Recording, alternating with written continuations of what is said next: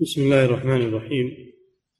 الحمد لله رب العالمين والصلاة والسلام على نبينا محمد وعلى آله وأصحابه أجمعين.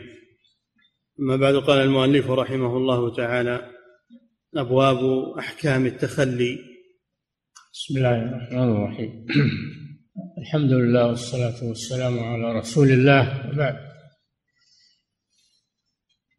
هذه الأبواب يذكر المؤلف رحمه الله فيها الأحاديث الواردة في آداب قضاء الحاجة.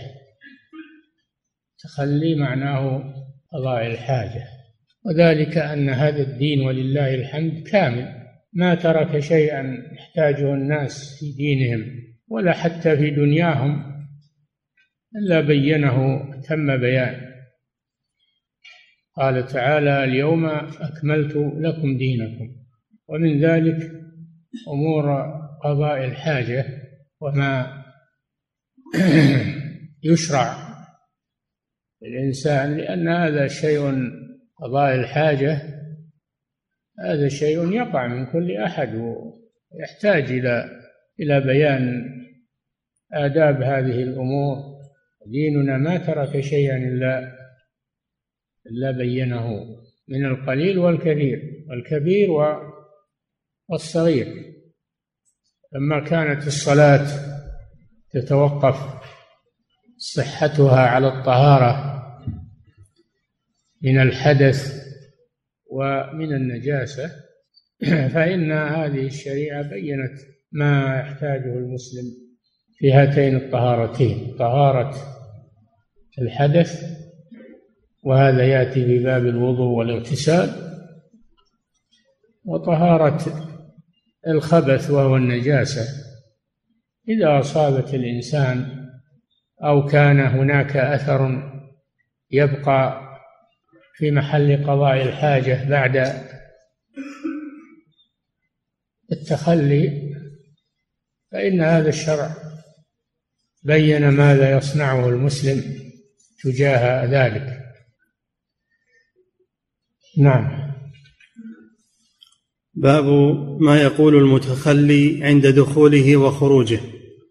من آداب تخلي أو آداب قضاء الحاجة أنه عند دخول محل قضاء الحاجة يأتي بذكر وعند الخروج منه يأتي بذكر شرعي يتحصن به من الشيطان. لأن الشياطين تحضر في محلات قضاء الحاجة في الحشوش وفي محلات قضاء الحاجة. تحضر الشياطين لأجل أن تشوش على المسلم أو لأجل أن تلوثه بالنجاسة. فإذا أتى بهذا الذكر عند الدخول فإن الشياطين تمتنع. من وجودها في هذا المكان. فيسلم من شرها. وهذا أمر ميسور.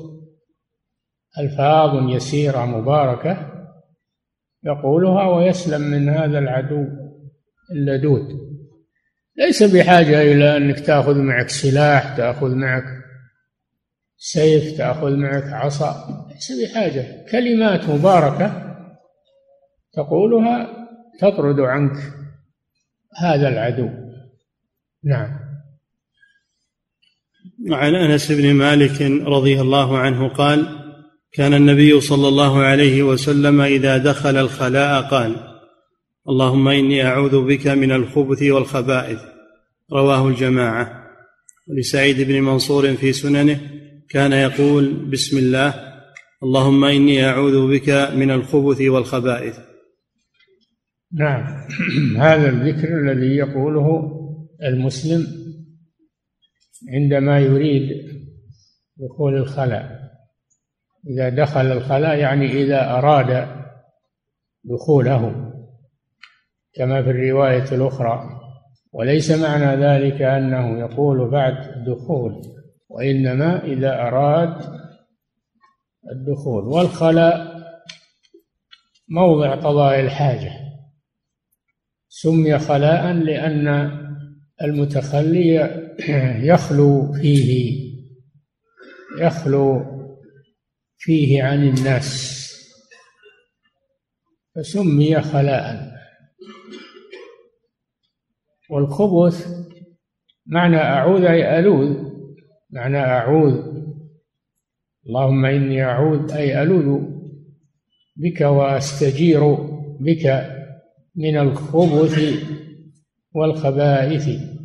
خبث جمع خبيث والخبائث جمع خبيثة. ومعنى ذلك أنك تستعيذ بالله من شر ذكران الجن وإناثهم. وفي رواية من الخبث بإسكان الباء. والخبث الشيء الخبيث خبث معناه خبيث والخبائث جمع خبيث أيضا. نعم. ولسعيد بن منصور في سننه كان لسعيد بن منصور الإمام الجليل في سننه معروفة بسنن سعيد بن منصور.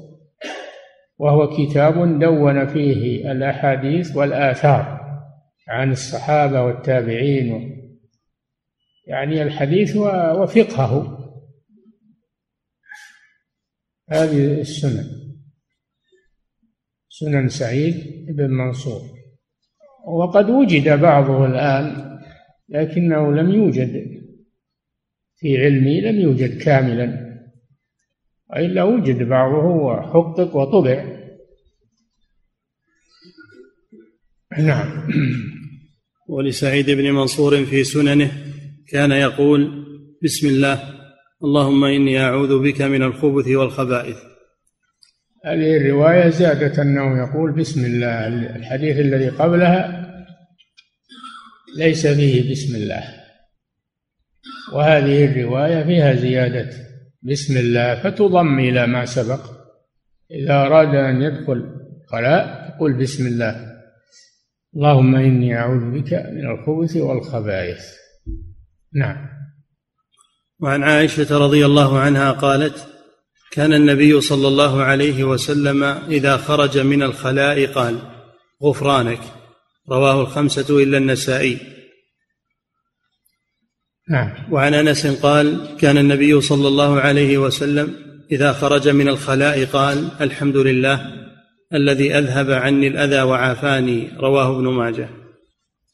هذا ذكر الخروج لا سبق ذكر الدخول إلى الخلاء وهذا فيه ذكر الخروج.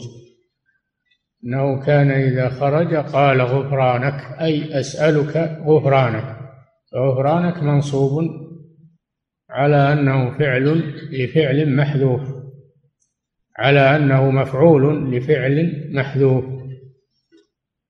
أي أسألك غفرانك. والغفران والمغفرة بمعنى واحد وهو ستر الذنوب و وتكفيرها عن المسلم. من أي شيء يستغفر؟ من أي شيء يستغفر؟ قالوا لأن المسلم في في الخلاء لا لا يذكر الله فتمر عليه فترة لا يذكر الله فيها. النبي صلى الله عليه وسلم كان يذكر الله على كل أحيانه تمر عليه فترة وجوده في الخلاء لا يذكر الله فيها فهو يستغفر من هذا التقصير. نعم.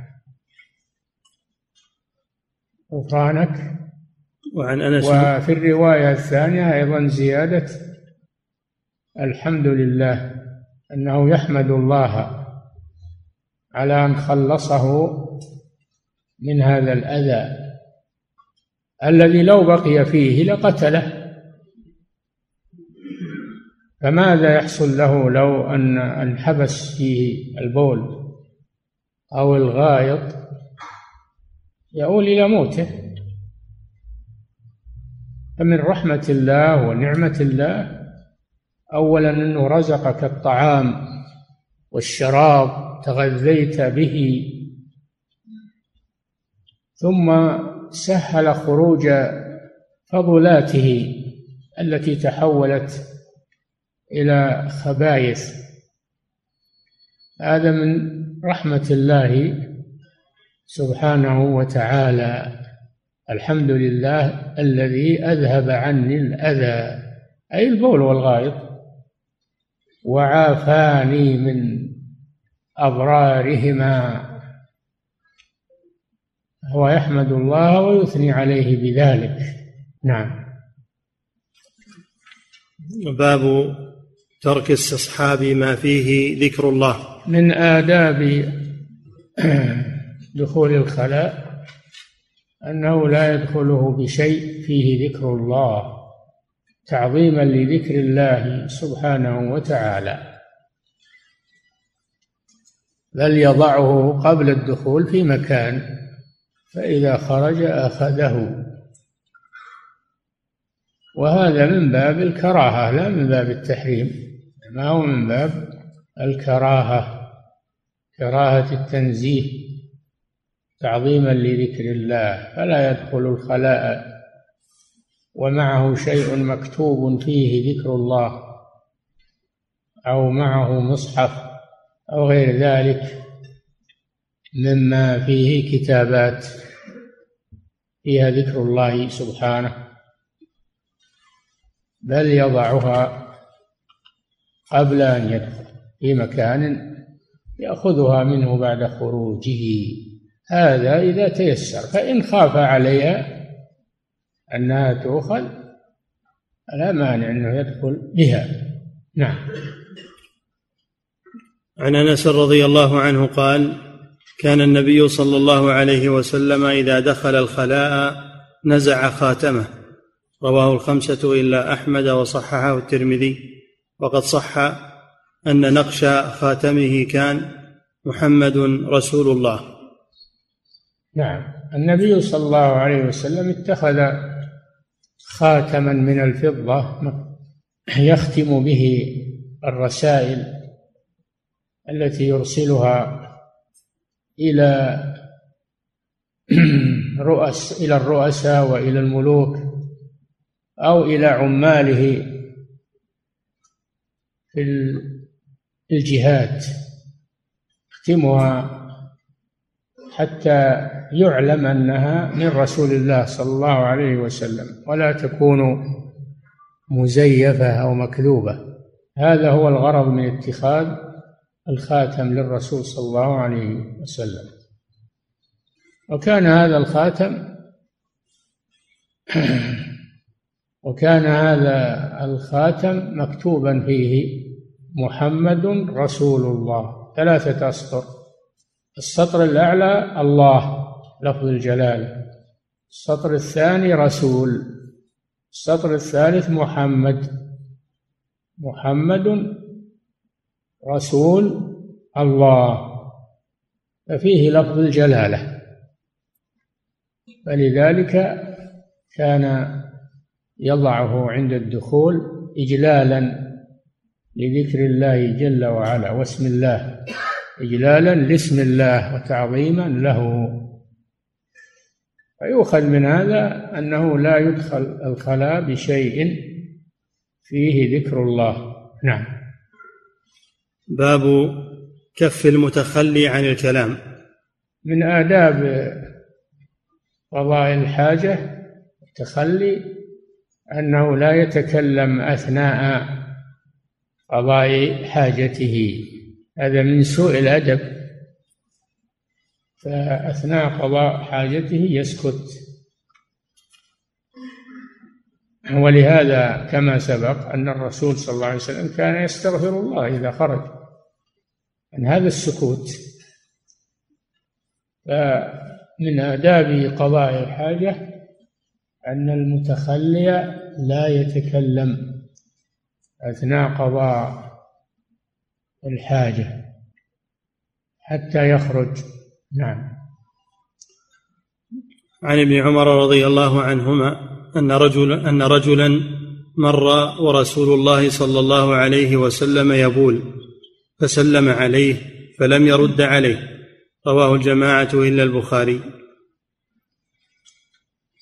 وعن, وعن أبي سعيد كان رضي الرسول صلى الله عليه وسلم يبول. مر عليه رجل سلم عليه على العادة فلم يرد الرسول صلى الله عليه وسلم عليه السلام مع أن رد السلام واجب. البداء بالسلام سنة ورده واجب. وإذا حييتم بتحية فحيوا بأحسن منها أو ردوها. ولكن منع الرسول صلى الله عليه وسلم من الرد أنه في حال قضاء الحاجة فدل على أن من يقضي حاجته ببول أو غائط لا يسلم عليه وإن سلم عليه فلا يرد السلام. لأن هذا كلام لأن رد السلام كلام ولا يناسب أن يتكلم في هذه الحالة. في بعض الروايات أن النبي صلى الله عليه وسلم بعد ما فرغ توضأ ورد عليه السلام أو تيمم ورد عليه السلام. نعم. لكن الشاهد من الحديث أنه لم يرد عليه حال تبوله عليه الصلاة والسلام. نعم. وعن أبي سعيد رضي الله عنه قال سمعت النبي صلى الله عليه وسلم يقول لا يخرج الرجل لا يخرج الرجلان يضربان الغائط كاشفين عورتيهما يتحدثان فإن الله يمقت على ذلك. رواه أحمد وأبو داود وابن ماجه. نعم. لا يخرج الرجلان هذه لا ناهية. يخرج مجزوم بلا النهاية وكسر من أجل التقاء الساكنين. لا يخرج الرجلان من أجل التخلص من التقاء الساكنين. لا يخرج الرجلان ليس المعنى أنه مقصور على الرجلين بل والنساء أيضا. فلا تخرج المرأتان يضربان الغائط الضرب في الأرض هو السير والسير فيها أي يقصدان قضاء الحاجة وسمي الخارج بالغائط. الغائط الأصل هو المنخفض من الأرض المنخفض من الأرض. كني عن الخارج الذي يخرج من الإنسان باسم المكان الذي يقضي به حاجته هذا كناية. تنزها عن ذكر آه، تنزها عن ذكر الخارج باسمه. سمي بالغائط من تسمية الشيء بمكانه. كناية. وهما يتحدث كاشفين عورتيهما. يؤخذ منه أن من آداب قضاء الحاجة أن المسلم يستر عورته وقت قضاء الحاجة ولا يكشفها أمام الناس بل يسترها إما بثوبه وإما بشيء يكون من ورائه كما يأتي. هذا شيء الشيء الثاني من آداب قضاء الحاجة أن لا يتحدث مع أحد وهو يقضي حاجته بل يسكت عن الكلام. نعم. أي إن الله يمقت يعني يبغض. المقت هو أشد البغض. يمقت على ذلك أي يبغض من فعل ذلك. من كشف عورته أمام الناس ومن يتحدث وهو يقضي حاجته. وفيه ففيه وصف الله جل وعلا بأنه يمقت. وهذا في القرآن لمقت الله أكبر من مقتكم أنفسكم. فالمقت هو أشد الغضب من الله سبحانه وتعالى. هذا يدل على أن هذا محرم كبيرة من كبائر الذنوب أن الله يمقت عليه ويبغض من فعلها شد البغض. نعم. باب الإبعاد والاستتار للمتخلي في الفضاء. باب؟ باب الإبعاد والاستتار للمتخلي في الفضاء. كذلك من آداب قضاء الحاجة إن كان في فضاء ليس فيه ساتر فإنه يبعد عن الناس حتى يتوارى عن الأنظار. يبعد. هذا إذا كان في فضاء. أما إذا كان هناك ما يستره من جدار أو شجرة أو مرتفع فإنه يستتر بهذا الساتر حال قضاء حاجته. نعم. باب الإبعاد والاستتار للمتخلي في الفضاء. عن جابر رضي الله عنه قال خرجنا مع النبي صلى الله عليه وسلم في سفر فكان لا يأتي البراز حتى يغيب فلا يرى. رواه ابن ماجه.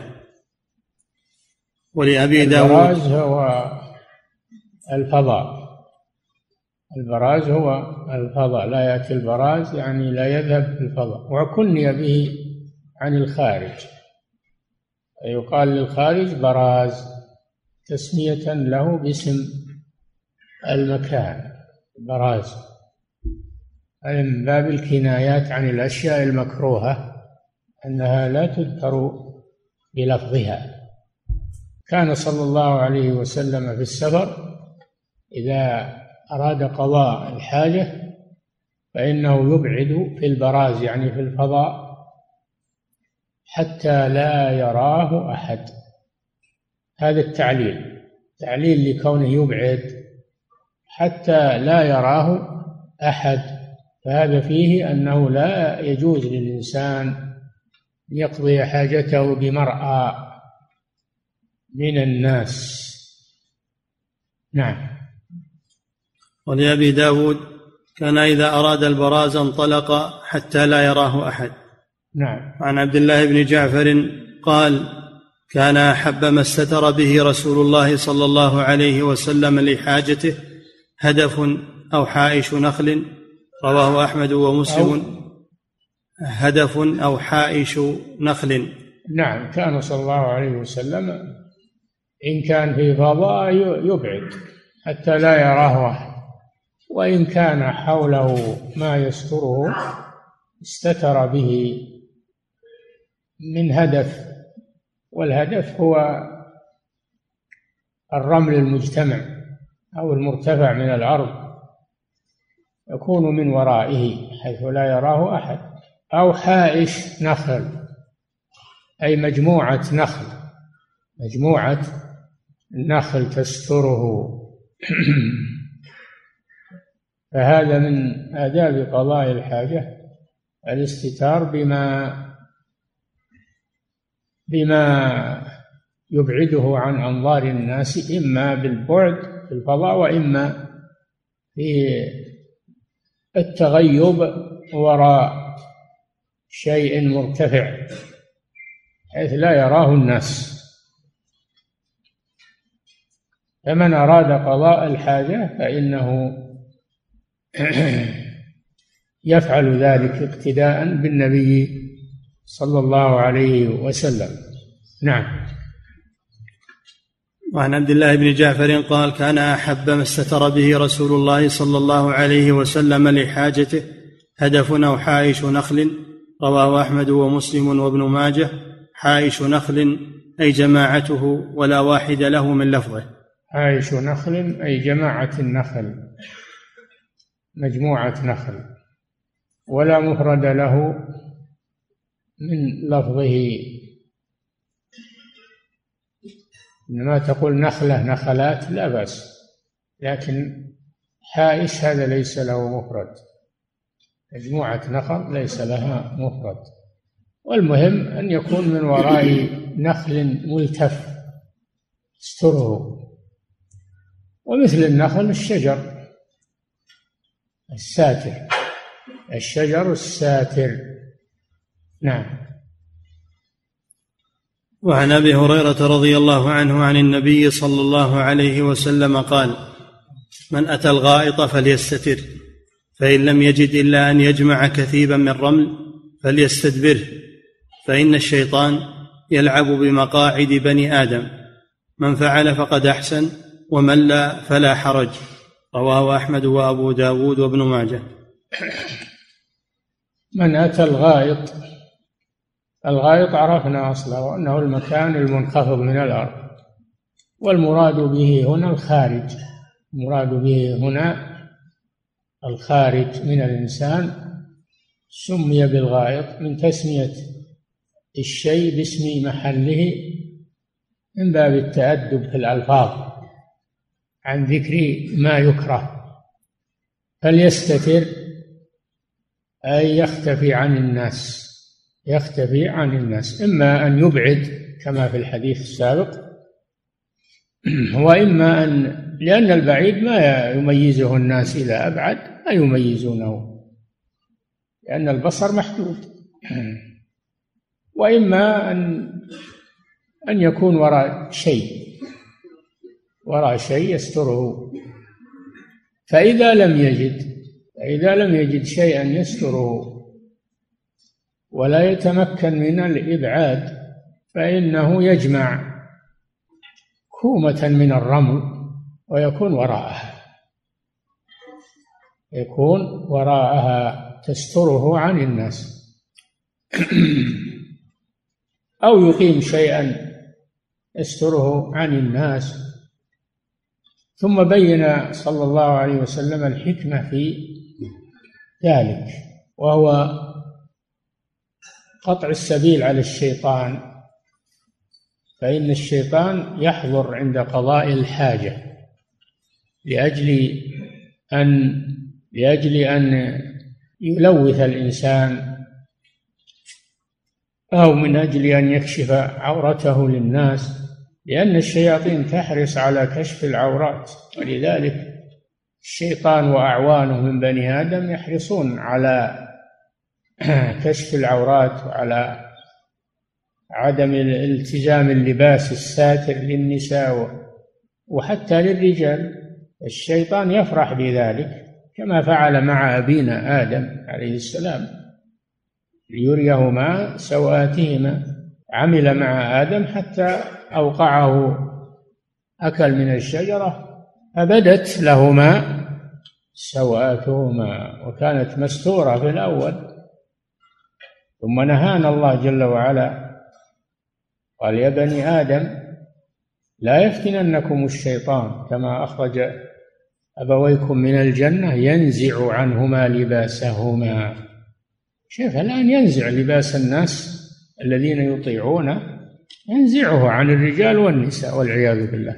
ويسمون هذا بالتقدم والحضارة يسمونه يسمون التستر بالتشدد والرجعية عدم الحضارة وما أشبه ذلك. فهذا عمل الشيطان وأعوان للشيطان. فالمسلم يقمع الشيطان يقمعه بأن يلتزم الستر خصوصا حال قضاء الحاجة. يلتزم بالستر لئلا يتلاعب به الشيطان. نعم. من أتى الغائط فليستتر فإن لم يجد إلا أن يجمع كثيبا من رمل فليستدبره فإن الشيطان يلعب بمقاعد بني آدم من فعل فقد أحسن ومن لا فلا حرج. يعني من جمع الرمل واستتر وراءه فليفعل لأن هذا أحوط له ومن لم يفعل فلا حرج لكن يلتزم بالستر يلتزم بالستر مهما أمكنه ذلك. نعم. باب نهي المتخلي عن استقبال القبلة واستدبارها. من آداب التخلي وقضاء الحاجة أن المسلم لا يستقبل القبلة وهي الكعبة ولا يستدبرها حال قضاء الحاجة. تعظيما لبيت الله العتيق فيتجه إلى غير القبلة ينحرف عن القبلة. في أي جهة كان ينحرف عن القبلة؟ ولا يستقبلها أو يستدبرها. احتراما لبيت الله عز وجل. نعم. عن أبي هريرة رضي الله عنه عن رسول الله صلى الله عليه وسلم قال إذا جلس أحدكم لحاجته فلا يستقبل القبلة ولا يستدبرها. رواه أحمد ومسلم. وفي رواية الخمسة إلا الترمذي إنما أنا لكم بمنزلة الوالد أعلمكم. فإذا أحد فإذا أتى أحدكم الغائط فلا يستقبل القبلة ولا يستدبرها ولا يستطب بيمينه. وكان يأمر بثلاثة أحجار وينهى عن الروثة والرمة. وليس وليس لأحمد فيه الأمر بالأحجار. نعم. وعن أبي أيوب آه، الحديث هذا واضح في أن من قعد لقضاء حاجته فلينحرف عن القبلة ولا يستقبلها أو يستدبرها وهو يتغوط أو يبول. ما قال صلى الله عليه وسلم إنما أنا لكم بمثابة الوالد أعلمكم وهو كذلك صلى الله عليه وسلم. هو والد الأمة بمعنى أنه مربيهم ومعلمهم ومرشدهم عليه الصلاة والسلام. فهذا يدل على أن الوالد يربي ولده على الأخلاق الطيبة ويعلمه. الرسول صلى الله عليه وسلم شبه نفسه بالوالد. في تربية الولد. هذا يدل على أن على الوالد أن يربي ولده ولا يتركه لهواه أو يتركه للتقليد والجريان مع الناس بل يربيه ويعلمه. هذه مسؤولية الوالد مع ولده وهذا من الإحسان إلى الولد وقل رب ارحمهما كما ربياني صغيرا. والآن يسمون تربية الوالد لولده يسمونه من العنف من العنف الأسري.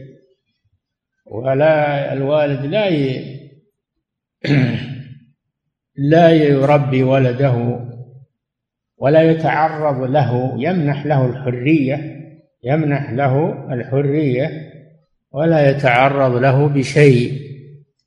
هكذا يريدون من المسلمين أن يأخذوا أخلاق الكفار أخلاق الغربيين مع أن رأينا الغرب يعتنون بأولادهم غاية العناية ويعلمونهم وينظمونهم ويتابعونهم. والله ما رأيناهم يلعبون في الشوارع ولا يكتبون على الجدران ولا رأيناهم يفحطون بالشوارع ولا ما رأينا شيء من ما يفعله شباب المسلمين مع الأسف.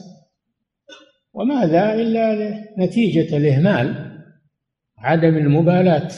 ما رأيناهم يتكلمون على أحد ما رأيناهم إلا منظمين. في مشيهم وفي تعلمهم وفي معهم مراقبون يمشون معهم. المسلمون مع الأسف الآن كما ترون مع أولادهم. ما عليهم إلا أنه يشبعوا من الطعام والشراب ويزين له منام في البيت وبس. ما عليه من الباقي. هذه مصيبة أصابت المسلمين الآن. الرسول صلى الله عليه وسلم يقول إنما أنا لكم كالأب. فهو آه، أب عليه الصلاة والسلام. أب روحي على ما يقولون. أب روحي. فهو هو أبو الأمة. وفي بعض القراءات وأزواجه أمهاتهم وهو أبوهم. في بعض القراءات وهو أبوهم. ليس معناه أبوهم من النسب. ما كان محمد أبا أحد من رجالكم ولكنه أبوهم للتربية والتعليم والعناية بهم كما يكون من الوالد لولده. نعم. أعد الحديث. عن أبي هريرة رضي الله عنه عن رسول الله صلى الله عليه وسلم قال إذا جلس أحدكم لحاجته فلا يستقبل القبلة ولا يستدبرها. رواه أحمد ومسلم. وفي رواية الخمسة إلا الترمذي إنما أنا لكم بمنزلة الوالد أعلم بمنزلة الوالد بمنزلة الوالد. ما قال أنا والدكم؟ قال بمنزلة الوالد. نعم. إنما أن... منزلة الوالد ما هي؟ أنه يربي ولده ويهذبه ويعتني به.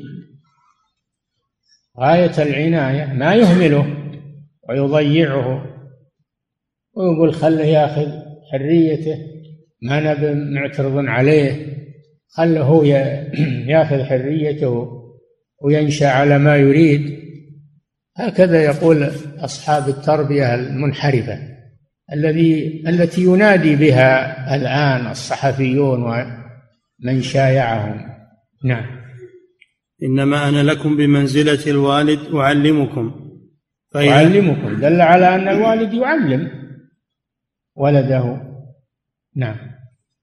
فإذا أتى أحدكم الغائط فلا يستقبل القبلة ولا يستدبرها. هذا تقدم في الأحاديث الصحيحة. نعم. ولا يستطب بيمينه. ولا يستطب بيمينه يعني لا يستجمر أو يستنجي بيمينه تكريما لليمين وإنما يستطيب باليسار.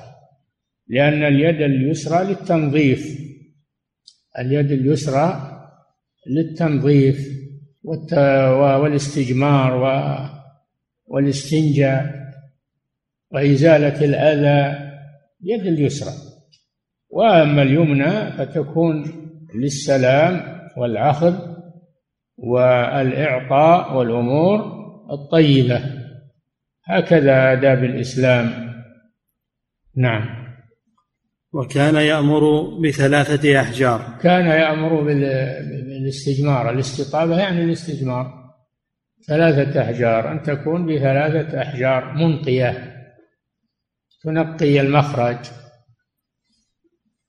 فهذا نصاب أحجار الاستجمار. وهل لا بد من لا بد من ثلاثة أحجار؟ بعض العلماء يقول لابد من ثلاثة أحجار وبعضهم يقول المقصود التنقية.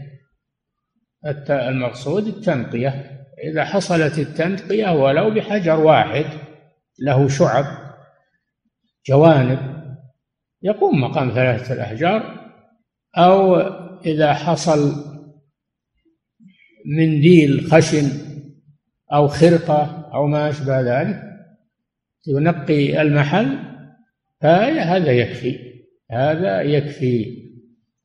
ولا يكون مع ولا يستجمر الإنسان بالروث رجيع الدابة ولا بالرمة وهي العظم. رجيع دابة أو عظم. أخبر الناس أن من عقد لحيته أو استجمر برجيع دابة أو عظم فإن محمدا بريء منه. كما في حديث عبد الله بن عك... كما في حديث رويفع. كما في حديث رويفع. فلا يجوز للمسلم أن يستجمر برجيع الدابة وهو روثها ولا بالعظم. قد بين صلى الله عليه وسلم الحكمة عليه الصلاة والسلام في ذلك. قال أما الروث أما العظم فطعام إخوانكم من الجن. وأما الروث فطعام دوابهم لأن الله يكسو هذا العظم لحما للجن. هذا العظم الذي خلصت منه الله يكسوه لحما للجن فلا تخبثه عليهم وتلوثه عليهم. الروث ينقلب إلى علف طعام للدواب دواب الجن الجن لهم دواب مثلنا. نعم. وعن أبي أيوب الأنصاري رضي الله عنه عن النبي صلى الله عليه وسلم قال إذا اتيتم الغائط فلا تستقبلوا القبلة ولا تستدبروها ولكن شرقوا أو غربوا. قال أبو أيوب فقدمنا الشام فوجدنا مراحيض قد بنيت نحو الكعبة فننحرف عنها ونستغفر الله. متفق عليه. وأيوب الأنصاري رضي الله عنه صحابي جليل راوي هذا الحديث. لا تستقبلوا القبلة ولا تستدبروها ببول ولا غائط. هذا كالأحاديث السابقة. ولكن شرقوا أو غربوا. هذا بالنسبة لأهل المدينة. ومن كان على سمتهم ممن تكون الكعبة إلى جهة الجنوب. إلى جهة الجنوب فإنه لا يستقبل الجنوب ولا يستدبر الجنوب لأن الكعبة فيه ولكن يستقبل الشرق أو الغرب لأجل أن تكون القبلة إلى جانبه تكون القبلة إلى جانبه. ويقاس على هذا بقية الجهات أنه لا يستقبل القبلة في أي جهة ولا يستدبرها ولكن ينحرف عنها بحيث تكون إلى جانبه بدلا من أن تكون إلى ظهره أو إلى أمامه. قال أبو أيوب رضي الله عنه فقدمنا الشام لما فتحوا الشام استولى عليه المسلمون وجدوا فيه مراحيض أو حمامات قد بنيت إلى جهة القبلة. قال أبو أيوب فننحرف عنها. التزم بعدم استقبال القبلة حتى في داخل البنيان. ننحرف عنها ونستغفر الله. نستغفر الله من التقصير في ذلك. وهذا سيأتي إن شاء الله في داخل البنيان. هل يحرم الاستقبال والاستدبار للكعبة أو لا؟ يأتي هذا. محل خلاف نعم. باب باب جواز ذلك بين البنيان. جواز ذلك بين البنيان. لأنه وردت أحاديث أن الرسول صلى الله عليه وسلم قضى حاجته آه، مستدبر الكعبة مستقبل الشام. لما كان في البنيان. داخل البنيان. فيؤخذ من هذا أنه إذا كان داخل البنيان فلا مانع أن يكون التوجه حال قضاء الحاجة إلى القبلة أو استدبار القبلة. إنما الأحاديث السابقة في الفضاء خارج البنيان جمعا بين الأحاديث. وهذا قول من الأقوال. وهناك قول آخر عكس هذا. أنه لا يجوز استقبال القبلة ولا استدبارها حتى في البنيان. ومن هؤلاء أبو أيوب الأنصاري راوي هذا الحديث. لا يجوز يعني عمموا هذا عمموا النهي في الفضاء وفي داخل البنيان. والأولون خصصوا الأحاديث الناهية عن ذلك بما كان خارج البنيان جمعا بين الأحاديث. نعم. باب جواز وهناك من قال إن إن الاستقبال والاستدبار منسوخ. يجوز الاستقبال والاستدبار مطلقة في الفضاء وفي داخل البنيان. نعم. باب جواز ذلك بين البنيان. عن ابن عمر رضي الله عنهما قال رقيت على بيت حفصة فرأيت النبي صلى الله عليه وسلم على حاجته. مستقبل الشام مستدبر الكعبة. رواه الجماعة. رقيت على بيت حفصة لأن حفصة أخت ابن عمر. حفصة بنت عمر بن الخطاب رضي الله عنها أم المؤمنين. وكان يأتيها أخوها عبد الله بن عمر راى النبي صلى الله عليه وسلم يقضي حاجته مستقبل الشام يستدبر الكعبة. فهذا يخالف الأحاديث السابقة لا تستقبلوا القبلة ولا تستدبروها بول ولا غائط فما الجمع بينهما؟ الجمع هو ما ذكره المصنف في الترجمة. إنما كان داخل البنيان لا مانع وما كان خارج البنيان يحرم الاستقبال والاستدبار. نعم. وعن جابر بن عبد الله رضي الله عنه قال نهى النبي صلى الله عليه وسلم أن نستقبل القبلة ببول فرأيته قبل أن يقبض بعام يستقبلها. رواه الخمسة إلا النسائي. نعم هذا أيضا يدل على النسخ لأنه يقول قبل أن يقبض بعام يقضي حاجته. نعم. نهى, نهى النبي صلى الله عليه وسلم أن نستقبل القبلة ببول فرأيته قبل أن يقبض بعام يستقبلها. يستقبلها بال بالبول. قالوا هذا دليل على النص لأن هذا قبل وفاته بعام. وهذا قول من الأقوال الشارح اللي هو الشوكاني في نيل الأوطار ذكر ثمانية أقوال في المسألة. هذا منها أنه أن استقبال القبلة أو استدبارها أنه منسوخ بهذا الحديث. لكن النسخ لا يصار إليه مع إمكان الجمع. وقد جمعوا بين الأحاديث بأن هذا من خصائصه صلى الله عليه وسلم. فإذا أمر بشيء أو نهى عن شيء وفعله فهذا دليل على أنه من خصائصه. وأما نحن فنبقى مع الأمر والنهي. لعل هذا من خصائص الرسول صلى الله عليه وسلم. نعم. وعن عائشة رضي الله عنها قالت ذكر لرسول الله صلى الله عليه وسلم أن ناسا يكرهون أن يستقبلوا القبلة بفروجهم فقال أو قد فعلوها حولوا مقعدتي قبل القبلة. رواه أحمد وابن ماجه. هذا الحديث فيه إشكال. أولا من ناحية سنده الحديث لم يثبت ولا يقاوم الأحاديث ولا يقاوم الأحاديث الصحيحة التي سبقت متعددة. فهو لا يقاومها لأنها أصح منه. وثانيا لو صح فإنه محمول على أن هذا في أول الأمر ثم إنه بعد ذلك نسخ هذا ونهى عن استقبال القبلة أو استدبار. الحديث لا يقوى على معارضة الأحاديث الصحيحة ولو قوي فإنه محمول على أنه كان في أول الأمر ثم نسخ ذلك. نعم. وعن مروان الأصفر قال رأيت ابن عمر رأيت ابن عمر أناخ راحلته مستقبل القبلة يبول إليها.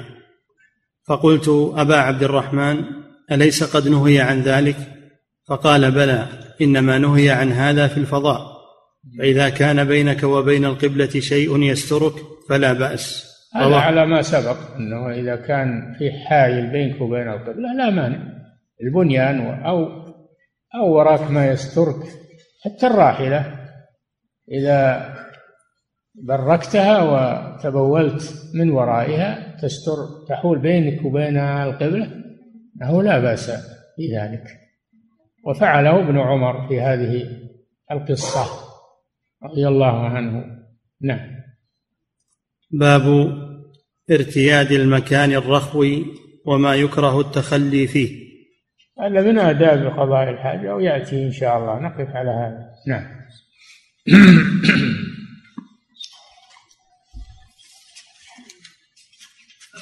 يقول فضيلة الشيخ وفقكم الله هل صحيح أن باب الخلاء إذا لم يغلق أن الشياطين تنظر إلى عورة ابن آدم؟ معروف إذا كان الباب مفتوح باب الخلاء والناس يمرون من عندك وينظرون إليك هذا لا يجوز. أما إذا كان ما فيها حد إذا كان ما فيها حد فلا مانع من ذلك. نعم. الكلام على حصول النظر إلى الإنسان وهو يقضي حاجته. نعم. يقول فضيلة الشيخ وفقكم الله هل الداخل للخلاء الذي لم يذكر الذكر المشروع يكون آثما بذلك؟ لا يكون آثما بذلك لأن هذا ليس من الواجب إنما هو من المستحبات ومن الآداب الشرعية. نعم. يقول فضيلة الشيخ وفقكم الله الدخول إلى الخلاء بما فيه ذكر الله مكروه كراهة تنزيه فهل الحكم أيضا بالنسبة للدخول بالمصحف؟ نعم حكم واحد المصحف فيه ذكر الله فيه كلام الله عز وجل. نعم. يقول فضيلة الشيخ وفقكم الله إذا نسي الشخص دعاء دخول الخلاء فهل يصح أن يقوله بعد الدخول؟ لا ما يقوله بعد الدخول. إذا نسي أن يقوله فات. إذا نسي أن يقوله فإنه فات. نعم. يقول فضيلة الشيخ وفقكم الله سمعنا من ينقل عن فضيلتكم إن الحمام الآن لا يعد خلاء لأن النجاسة لا تستقر في المكان ولذا لا يقال دعاء الخلاء والحالة هذه فهل هذا صحيح؟ نعم تغير الوضع الآن. الحشوش في الأول كانت كما تعرفون كان الخلاء فيها. وأما الآن فالخلاء يذهب مع المجاري ولا يبقى شيء. فخف الأمر الآن. الأمر الآن خف وتغير الوضع. نعم. يقول فضيلة الشيخ وفقكم الله ما حكم دخول الخلاء ومعه شيء فيه صورة للكعبة؟ أو صورة للمسجد النبوي؟ هو أصلا وش الداعي لتصوير الكعبة أو تصوير المسجد النبوي هذا كله من العبث. ولا داعي لهذا لكن ما يحرم لا ما يكره دخول دخوله معك صورة للكعبة أو صورة للمسجد النبوي. إلا إن كنت قاصدا الإهانة قاصدا بذلك الإهانة فأنت تأثم على نيتك وعلى قصدك. نعم. يقول فضيلة الشيخ وفقكم الله بعض الناس يقول إذا وضعت ما فيه ذكر الله في جيبك فلا بأس بالدخول به لأن الجيب كالحرز. فهل هذا الكلام صحيح؟ في حديث عام يا أخي هذا حديث عامة أنه كان يضع خاتمه خارج الخلاء. الأحاديث عامة سواء في جيبك أو باردة لكن بعض العلماء يقول إنه إذا أدخله في جيبه يخف الحكم لأنه روي أن الرسول صلى الله عليه وسلم كان يدير خاتمه فيجعل فصه في قبضته ويقبض عليه روي هذا. الله أعلم. نعم. يقول فضيلة الشيخ وفقكم الله ما حكم قراءة القرآن غيبا؟ عند المغاسل التي عند الحمامات. يبتعد الإنسان عن هذا يبتعد عن قراءة القرآن في المحلات القذرة والمستهجنة ابتعد عن هذا. نعم. يقول فضيلة الشيخ وفقكم الله أليس عدم رد النبي صلى الله عليه وسلم السلام فيه تحريم للكلام عند قضاء الحاجة؟ كذلك ما ورد في حديث أبي سعيد من الوعيد الشديد في ذلك ألا يدل على التحريم؟ ما يدل على التحريم لأن هذا من الآداب الشرعية والآداب تحمل على إما الاستحباب وإما الكراهة.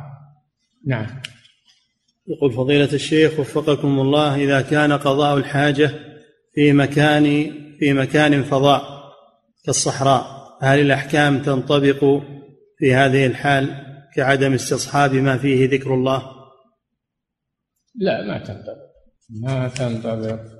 يقول إذا دخل أحدكم الخلاء إذا دخل يعني مكان يدخل فيه ويعد الصحراء ما فيها ما تدخل. لكن قالوا إنه في الصحراء يستر عورته. إذا صار ما عنده جدار ولا عنده الشجر ولا عنده قالوا لا يكشف ثوبه حتى يصل إلى الأرض. لا يكشف ثوبه حتى يصل إلى الأرض. نعم. يقول فضيلة الشيخ وفقكم الله ما حكم رد السلام إذا كان في الحش؟ لا يرد السلام ولا يتكلم ولا يتكلم بالجوال. ما ما يتكلم ما دام في الحش. ما يت... أو يقضي حاجته ما ما يتكلم. حتى لو في الفضاء ما يتكلم. حتى ينتهي من حاجته. نعم. يقول فضيلة الشيخ وفقكم الله ما حكم كتابة اسم الله على العملات حيث يحملها الكفار ويدخل بها إلى الخلاء؟ هذا للضرورة. صار معك دراهم تبي تنثرها برا وتدخل تؤخذ. هذا للضرورة من أجل حفظ المال ولا يفرحون السراق والناس يتابعونك ولا شافوك وضعت دراهمك برا أخذوها خلوك. هذا من الضرورة لا بأس تدخل الدراهم. ولو كان فيها ذكر الله. نعم. يقول فضيلة الشيخ وفقكم الله هل يجوز الدخول بالجوال وفيه القرآن؟ إذا كان واضحا القرآن واضح مكتوب واضح يطلع. لا أما إذا كان إنه داخل داخل الجوال ولا يشاف هذا لا مانع من ذلك. نعم. عاد يفرحون إنهم يأخذون الجوال إذا دخلت نعم. هذا للضروره تدخل به. نعم. يقول فضيلة الشيخ وفقكم الله يقول قيل إنه لا يقال بسم الله عند دخول الخلاء. لأن الدخول في الخلاء ليس مكانا لطلب البركة وما ورد من ذلك فهو ضعيف. هل هذا الكلام صحيح؟ اللي قاله هو الضعيف. اللي قال هالكلام هو الضعيف.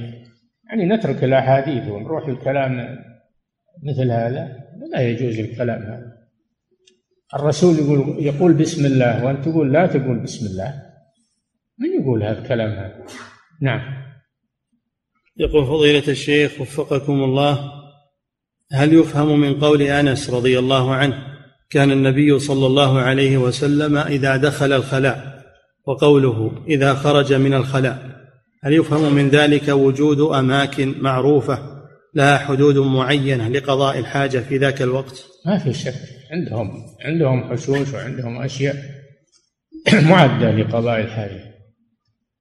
ومنهم من يخرج للفضاء والبراز يخرج برا منهم من يفعل هذا. يذهبون للبقيع كان ومنهم من في بيوتهم أشياء منها نعم.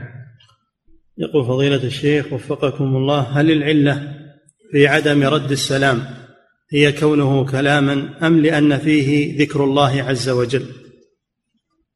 رد السلام وخلاص ما نعلل نقول لا يرد السلام حال قضاء الحاجة. لأنه كلام ولأن فيه ذكر الله. المعنيان يعني موجودان نعم. يقول فضيلة الشيخ وفقكم الله هل للإنسان إذا كان في الخلاء ولم يجد ما يستتر به هل له أن يذهب خلف إبل باركة مثلا فيستتر بها؟ مثل ما سمعتم في حديث ابن عمر إنه تبول وراء الراحلة بينه وبين الكعبة. وقال إن الرسول صلى الله عليه وسلم إنما يريد إذا كان بدون حائل بينه وبين الكعبة أو كلاما هذا معناه موجود عندكم. نعم. يقول فضيلة الشيخ وفقكم الله هل صحيح أن الخبث بالضم يراد والخبائث يراد به إناث وذكور الشياطين؟ هذا هو لا ما قال هذا الصحيح هذا هو المعنى. أنا معنى غيره. الخبث آه، جمع خبيث وهو الذكران من الشياطين. والخبائث جمع خبيثة وهي إناث الشياطين. عندك معنى غير هذا؟ نعم. يقول فضيلة الشيخ وفقكم الله يقول إذا أراد الإنسان أن يخرج الريح بعيدا عن الناس فهل يشرع له أن يذكر دعاء الخلاء. أم أن هذا لا لا لا نعم. يقول فضيلة الشيخ وفقكم الله هل معنى المقت هو أشد البغض أو أشد الغضب؟ نعم الغضب لا لا يكون إلا عن بغض. الغضب لا يكون إلا معه بغض. نعم. يقول فضيلة الشيخ وفقكم الله هل من دخل الحمام لأخذ شيء؟ هل يقول الذكر الوارد عند الدخول والخروج؟ لا هذا إنما ورد لقضاء الحاجة. أما إذا دخل لأخذ شيء أو غسل يديه أو ما أشبه ذلك فلا ألا يشرع هذا؟ نعم. يقول فضيلة الشيخ وفقكم الله الوصفان اللذان ذكرا في الحديث وهما كشف العورة أمام الناس والتحدث عند قضاء الحاجة. هل يشترط اجتماعهما اجتماع الفعلين؟ إذا اجتمعا فهو أشد فإذا انفرد أحدهما أيضا فهو ممنوع. نعم. يقول فضيلة الشيخ وفقكم الله هل مس الذكر باليمين؟ يكون منهيا عنه نهيا عاما أم أن هذا, هذا خاص؟ هذا يأتي إن شاء الله. هذا يأتي عند الاستنجاء. نعم. نعم. يقول فضيلة الشيخ وفقكم الله بقوله سبحانه وتعالى إن الله لا يحب كل مختال فخور. هل يثبت بهذه الآية صفة البغض؟ يلزم من هذا. لا يحب يلزم منه البغض. نعم. يقول فضيلة الشيخ وفقكم الله هل صفة المقت والضار والكيد والمكر والاستهزاء يجوز إطلاقها منفردة من غير مقابلة؟ تذكر كما جاءت. يمكرون ويمكر الله فيسخرون منهم سخر الله منهم. تذكر كما جاءت في القرآن لأنها من باب الجزاء من باب المجازات والمجازات عدل منه سبحانه وتعالى. نعم. يقول فضيلة الشيخ وفقكم الله في الحديث أن الرسول صلى الله عليه وسلم كان يستتر بحائش نخل وفي حديث آخر نهى صلى الله عليه وسلم عن التخلي في ظل الأشجار التي يستظل بها. فكيف؟ هذا قالوا إذا كانت النخل ليس فيها ثمر. إذا كانت النخل ليس فيها ثمر محمول على هذا. نعم. يقول فضيلة الشيخ وفقكم الله هل ورد أن الرسول صلى الله عليه وسلم كان يغطي رأسه كلما أراد أن يدخل الخلاء؟ يروى هذا عن عثمان رضي الله عنه. كان يغطي رأسه عند دخول الخلاء يتقنع. يقولون لأن الشعر ينصبغ بالرائحة. نعم. الله أعلم. نعم. أما عن الرسول ما أدري. نعم. يقول فضيلة الشيخ وفقكم الله إذا استجمر الإنسان ثم وجد ماء فهل يلزمه أن يتطهر به أم يكفي الاستجمار؟ نعم. الجمع بينهما بين الاستجمار والماء هذا ما في شك أنقى وأطهر يحبون أن يطهروا الله يحب المطهرين سألهم النبي صلى الله عليه وسلم أهل مسجد قبة ماذا يصنعون؟ قالوا إنا نتبع الحجارة بالماء نعم يقول فضيلة الشيخ وفقكم الله من استنجى بحجرين فقط وأنقى وتوضأ وصلى فهل يصح استجماره وصلاته؟ إذا أنقى نعم يصح استجمار لأن المطلوب الإنقاء إذا أنقى تصح صلاته ويكفي الاستجمار المنقي يكفي. نعم.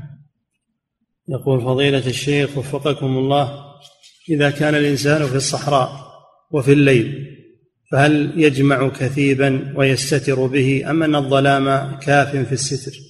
ما دام ما يراه أحد ما دام ما يراه أحد لأن المقصود أنه يستتر عن الأنظار. إذا كان ما يراه أحد فلا مانع. وكونه يلزم الستر أحسن. نعم. يقول فضيلة الشيخ وفقكم الله ذكرتم حفظكم الله حديث رويفع وفيه من عقد لحيته فما معنى ذلك؟ قالوا فيه معاني عقد لحيته من باب الاستكبار و أو أنه عنده ترف ويكد لحيته وينظفها ويزينها ويخليها كأنها آه، مجعدة. يخليها كأنها مجعدة قالوا هذا معنى عقد اللحية لأن المسلم ما يكون عنده ترف وعنده هذه الصفة. نعم صحيح إنه ينظف لحيته وإنه يكدها لكن ما يدهنها ويخليها مجعدة من باب التزين والتكلف وقالوا إن هذا عادة عند المشركين أنهم عند الحروب يعقدون لحاهم يعقدون لحاهم عند الحروب ونحن نهينا عن التشبه بهم. نعم. يقول فضيلة الشيخ وفقكم الله ما القول الراجح في استقبال واستدبار القبلة في الفضاء وفي البنيان؟ القول الراجح والله أعلم ما بوب له المؤلف. أنه في البنيان أنه لا مانع أنه لا مانع من ذلك ولكن مع هذا إذا أردت أنك تبني منزل أو عمارة أو أو مسكن تتجنب هذه الأشياء. لكن لو جيت بناية منتهية وفيها هذه فلا مانع من استعمالها. نعم. يقول فضيلة الشيخ وفقكم الله في حديث أبي أيوب رضي الله عنه ذكر الانحراف عن القبلة ثم الاستغفار. فما علة الاستغفار هنا؟ من انحرافه من علة الاستغفار ومن وجودها إلى القبلة آه، يخشى أنه يناله إثم منها. حتى لو ما هو اللي بانيها وله. لكن هذا من باب شدة الورع منه رضي الله عنه. والتزام ما أمر به الرسول صلى الله عليه وسلم. نعم. يقول فضيلة الشيخ وفقكم الله ما تعليق فضيلتكم على قول العلامة ابن القيم رحمه الله في الحكمة من قول غفرانك قال أنه لما أذهب الله عنه الأذى الذي يثقل البدن ناسب أن يسأل الله تعالى أن يذهب عنه أثر الذنوب. وقال إن معنى جيد هذا معنى جيد. واللفظ يحتمل هذا وهذا. نعم. يقول فضيلة الشيخ وفقكم الله هل البعد عن الناس أثناء قضاء الحاجة خاص بالغائط دون البول؟ نعم قالوا أن البول ما, ما وهذا بياتي إن شاء الله. يبياتي البول ما يحتاج يبعد إنما هذا في الغائط. نعم. يقول فضيلة الشيخ وفقكم الله من ذكر أن فعله صلى الله عليه وسلم استقبال القبلة عند قضاء الحاجة أن هذا من خصائصه. كيف يكون ذلك؟ والأصل هو التأسي به صلى الله عليه وسلم في جميع أفعاله. إلا فيما, فيما إذا قال أمر الأمة أو نهاهم ثم هو فعل خلاف ذلك فهذا لا يتأسى به فيه لأن هذا يحمل على الاختصاص. نحن لا نتأسى به فيما هو من خصائصه صلى الله عليه وسلم. من خصائصه أن يتزوج تسع. هل يجوز أن نتزوج تسع؟ أو لا. لا اللي من خصائصه هذا ما ندخل فيه ولا نعمل ولا نتأسى به فيه. نعم. يقول فضيلة الشيخ وفقكم الله البعض يضع منبه الجوال؟ البعض يضع منبه الجوال آيات قرآنية قد يتصل عليه أحد وهو داخل الحمام فهل هذا الفعل جائز؟ لا. هذا من امتهان القرآن وجعله للتنبيه فقط تنبيه المكالمة. هذا من امتهان القران القرآن الكريم. نعم. يقول فضيلة الشيخ وفقكم الله صليت الجمعة صليت الجمعة بالأمس فخرج من أنفي دم وأصاب يدي ثم توقف الدم ولم أقطع الصلاة فهل فعلي هذا صحيح؟ إن شاء الله. فعلك هذا صحيح لأن الدم اليسير والرعاف اليسير ما ما ينقض الوضوء. نعم. يقول فضيلة الشيخ وفقكم الله هل يشترط في التفريق في المضاجع للأولاد أن يكون الذكور في غرفة والبنات في غرفة أم يفرق بينهما في الغرفة الواحدة؟ يفرق بينهما إن جعل هذول في غرفة ولا هذا أحوط ما في شك. لكن لو ناموا في غرفة واحدة وعزل فراش الذكر عن الأنثى فلا بأس بذلك. نعم لأنه يصدق عليه تفريق بينهم في المضاجع. نعم وله خاص تفريق الذكور عن الإناث.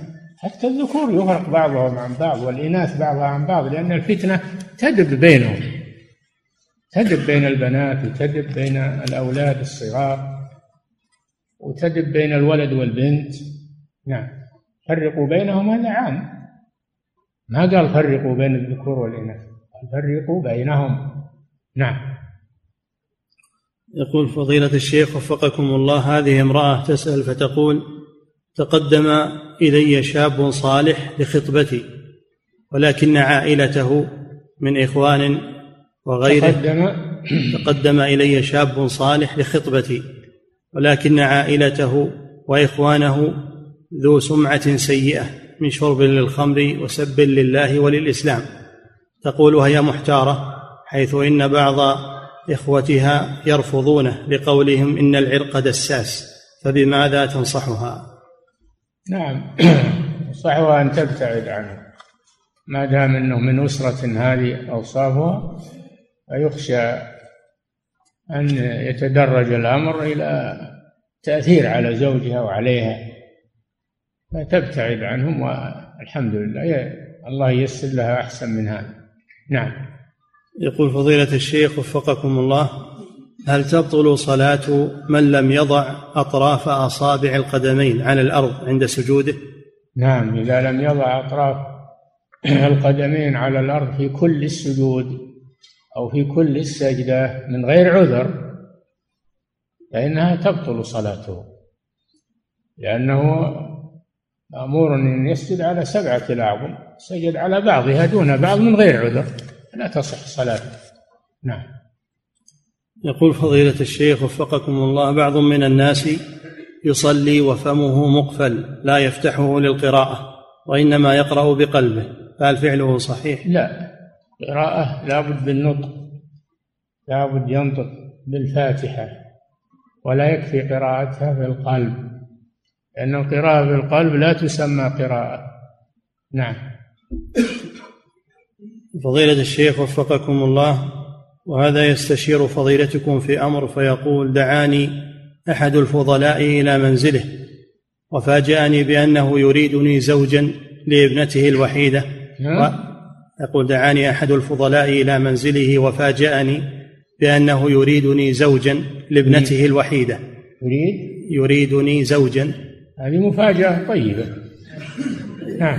يقول وأدخلها علي فرأيتها فأعجبتني. يقول هل هذه الطريقة صحيحة شرعا؟ وهل أستمر في هذا الأمر؟ لا بأس بذلك. أقول لا بأس بذلك وهذا طيب. أنه يخطب لابنته وأنه يريك إياها لأن رؤية الخاطب للمخطوبة أمر مباح أو مطلوب. نعم. يقول فضيلة الشيخ وفقكم الله إذا ثبت أن في العطور كحولا فهل يجوز استعمالها؟ لا إذا ثبت أن فيها كحولا فإنه لا يجوز استعمالها لأنه إذا أسكر الكثير منها فقليلها حرام كما قال الرسول صلى الله عليه وسلم. ما أسكر كثيره فقليله حرام. فإذا كان الكثير من هذا العطور يسكر فالقليل منه حرام. نعم. يقول فضيلة الشيخ وفقكم الله يقول السائل عملت عملية في فتحة الشرج قبل فترة من الزمن ولا يزال يخرج سوائل فأضع قطنا لأمنع سريان السوائل واتساخ الملابس فكيف تكون طهارتي للصلاة؟ وفقكم الله. نعم عند كل صلاة تغير القطن هذا وتنظف المخرج وتنشفه تضع قطن جديد ثم توضأ وتصلي. تغير كل صلاة تغيرها نعم. يقول فضيلة الشيخ وفقكم الله يقول أحد طلاب العلم إذا صلى لوحده وأراد أن يسلم فإنه يسلم تسليمة واحدة فقط عن يمينه. ويقول في المسألة خلاف وإنه يتبع المذهب المالكي في هذه المسألة. فما رأي فضيلتكم في هذا الأمر؟ رأيي أنه ما يفرط بصلاته علشان الخلاف. ويبي يضره لسلم تسليمتين واحتاط لدينه وهذا قول الجمهور من أهل العلم. فأنصح له أنه يسلم التسليمتين لأن هذا أبرأ لذمته. نعم. يقول فضيلة الشيخ وفقكم الله ما الأفضل إذا دخل الإنسان المسجد؟ هل يصلي ركعتين تحية المسجد ثم يأتي بالسنة الراتبة؟ ما الأفضل؟ ما الأفضل إذا دخل الإنسان المسجد؟ هل يصلي ركعتين تحية المسجد ثم يتبعها بالسنة الراتبة أو يكفي أن يأتي بالسنة الراتبة مباشرة؟ كونه يجيب تسليمتين أحسن أو أتم. وإذا اقتصر على واحدة ناويا بها الراتبة والتحية المسجد أيضا يجزي هذا لكن كونه يأتي بهذه على حدة وهذه على حدة أفضل. نعم. يقول فضيلة الشيخ وفقكم الله نعلم يا فضيلة الشيخ أن نصاب الزكاة هو خمسة وثمانون جراما من الذهب أو ما يعادلها من ثلاثة ثلاثة ثلاثة وتسعون ثلاثة وتسعون. نعم. يقول ثلاثة وتسعون جرام. هذا اللي تحرر عند دار الإفتاء. نعم. فهل